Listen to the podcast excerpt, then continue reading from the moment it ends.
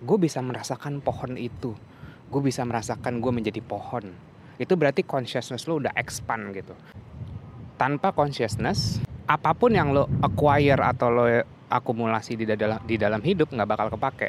Kalau lo ngelihat kehidupan itu dengan jernih uh, akibat akibat dari consciousness yang yang yang yang terang gitu akhirnya jernih lo ngeliat kehidupan lo bakal tahu lo harus jalan ke mana.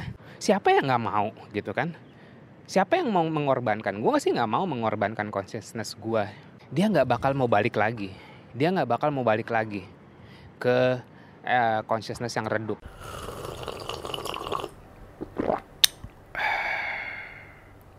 Alright, folks. Di episode kali ini gue mau mencoba mengartikulasikan consciousness. Karena menurut gue penting ya karena menurut gue penting ya karena menurut gue penting ya tiga kali. Uh, di Indo di Indonesia sendiri consciousness bukan bukan kata yang familiar. Kalau diartikan di bahasa Indonesia sendiri sih kayak kesadaran gitu. Kesadaran sih apa sih gitu? Bangun dari tidur sadar gitu. Kalau bahasa Sundanya mungkin bisa dibilang kayak eling gitu, ngeh, melek gitu.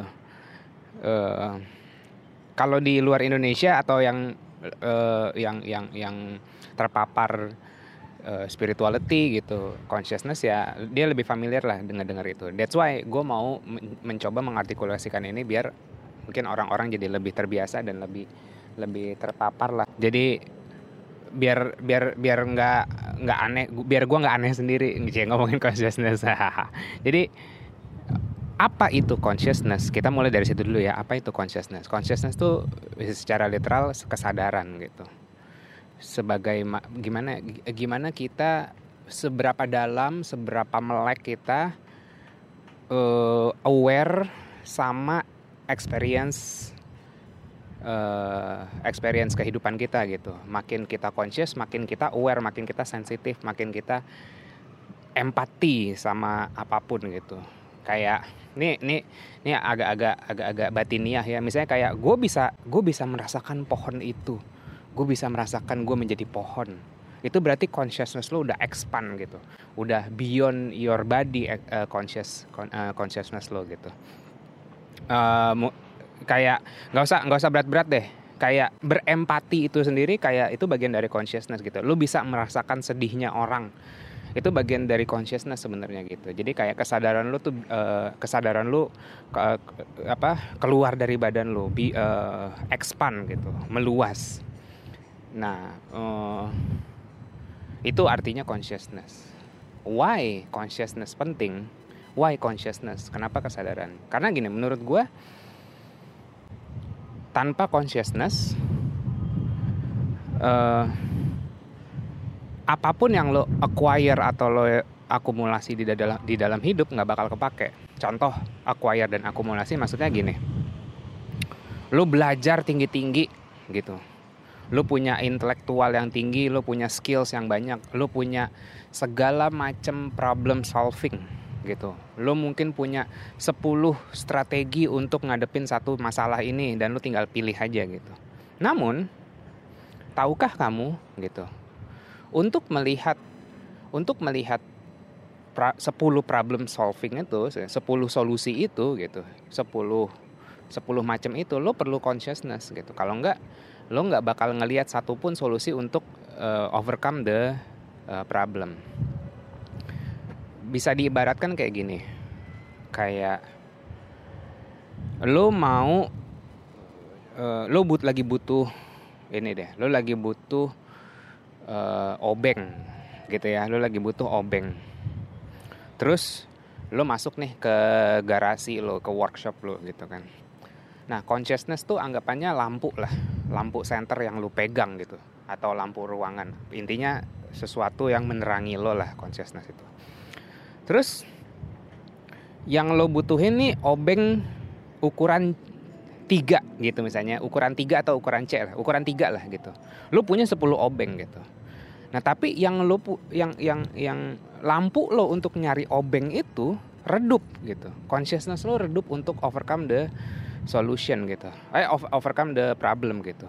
Lo akan sulit mencari itu. Lo akan sulit mencari obeng gue mana ya? Obeng gue mana ya? Oh yang ini bukan. Oh ini bukan. Yang ada lo salah-salah pakai pakai pakai obengnya gitu. Nah kalau consciousness lo terang consciousness lo expand ruangan lo workshop lo yang tadi untuk lo nyari obeng itu akan terang sekali dan lu bisa milih itu secara jelas gitu. Oh ini nih obeng ini yang gue butuhin. Lo ambil obeng yang lo but yang lo butuhin, lo pakai untuk overcome the problems, untuk uh, benerin uh, apalah itu bangku atau meja yang lo butuhin itu. Nah uh, jadi kayak menurut gue seberapa pinter lo, seberapa tinggi EQ dan IQ lo, seberapa banyak skills lo seberapa banyak informasi atau knowledge yang lo punya kalau lo nggak punya consciousness kalau lo kalau consciousness lo nggak uh, nggak nggak nggak nggak terang gitu nggak expand nggak dalam nggak luas kayak matahari nih gitu.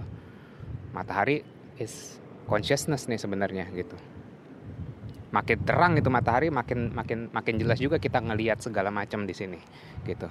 Jadi kalau nggak ada matahari mau ada mau ada cewek cantik telanjang di 10 meter di depan gue juga gue nggak bisa ngeliat gitu. Jadi anggapannya uh, kalau nggak ada consciousness semua sia-sia menurut gue gitu. Itu kenapa consciousness itu penting menurut gue mudah-mudahan lo uh, dapat nih analoginya ya terus gimana sih untuk bisa lebih sadar untuk bisa lebih conscious gitu? Anggapnya lampu lah ya. Ini balik lagi nih consciousness uh, anggapnya lampu atau matahari nih gitu kan. Uh, cahaya itu butuh butuh energi untuk bisa nyala bener gak gitu. Adanya cahaya udah pasti ada yang dibakar. Gitu itu udah pasti. Setiap ada cahaya pasti ada yang dibakar. Ini matahari bercahaya karena ada yang dibakar. Sewaktu-waktu dia bisa redup. Suatu waktu kalau bahan bakarnya habis ya habis. Korek lilin apa pun itu harus ada energi. Kayak gitu. Nah sama kalau consciousness di dalam uh, tubuh lo harus ada energi yang memadai untuk untuk akhirnya bisa. Wattnya nih wattnya cukup kuat nih untuk uh, untuk untuk uh, nyalain lampu consciousness lo di dalam diri lo caranya gimana gitu? Ya is all about energy. Gimana lu memaintain energi satu uh, gimana lu makan? Gitu. Ke well being lo ke kesehatan fisik dan mental. Fisik mental emosi dan energi. Gimana lu makan? Gimana lu bergerak? Gimana lo berpikir? Gimana lo bertindak? Itu akan mempengaruhi energi lo gitu. Dan banyak sebenarnya praktis-praktis yang uh, membantu untuk lo bisa mencapai energi tertentu level of level energi tertentu supaya lo consciousness lo makin baik lah gitu. Kayak yoga tai chi uh, breathwork olahraga makan yang teratur gitu gitulah kayak gitu. Jadi simple anggap anggap aja uh, consciousness tuh kayak lampu di dalam da, di dalam diri lo dan gimana lampu itu bisa terang ya harus punya energi yang memadai energi yang benar gitu bahan bakarnya gitu. Kalau dia butuhnya pertamax saya pakainya pertamax gitu biar biar biar bisa nyala gitu. Jadi uh, makan lu gimana lu gimana lu bergerak gimana lu berpikir dan gimana lu bertindak itu akan mempengaruhi energi lo dan consciousness lo. That's why that's why kalau lo lihat kalau lo lihat orang-orang yang udah conscious ya misalnya taruhlah misalnya kalau lo udah pernah ngelihat guru yoga yang udah misalnya lima tahun ke atas lah pengalamannya. Atau guru yoga yang baru setahun dua tahun pun misalnya kayak gitu. Ini gue ngambil contoh based on pengalaman aja ya gitu. Nggak harus semuanya guru yoga lah. Tapi kalau lo pernah masuk kelas yoga atau orang-orang praktisi yoga gitu yang akhirnya dia sudah merasakan manfaatnya bagaimana kalau conscious itu kan, apa consciousnessnya itu expand nyala gitu dia nggak bakal mau balik lagi.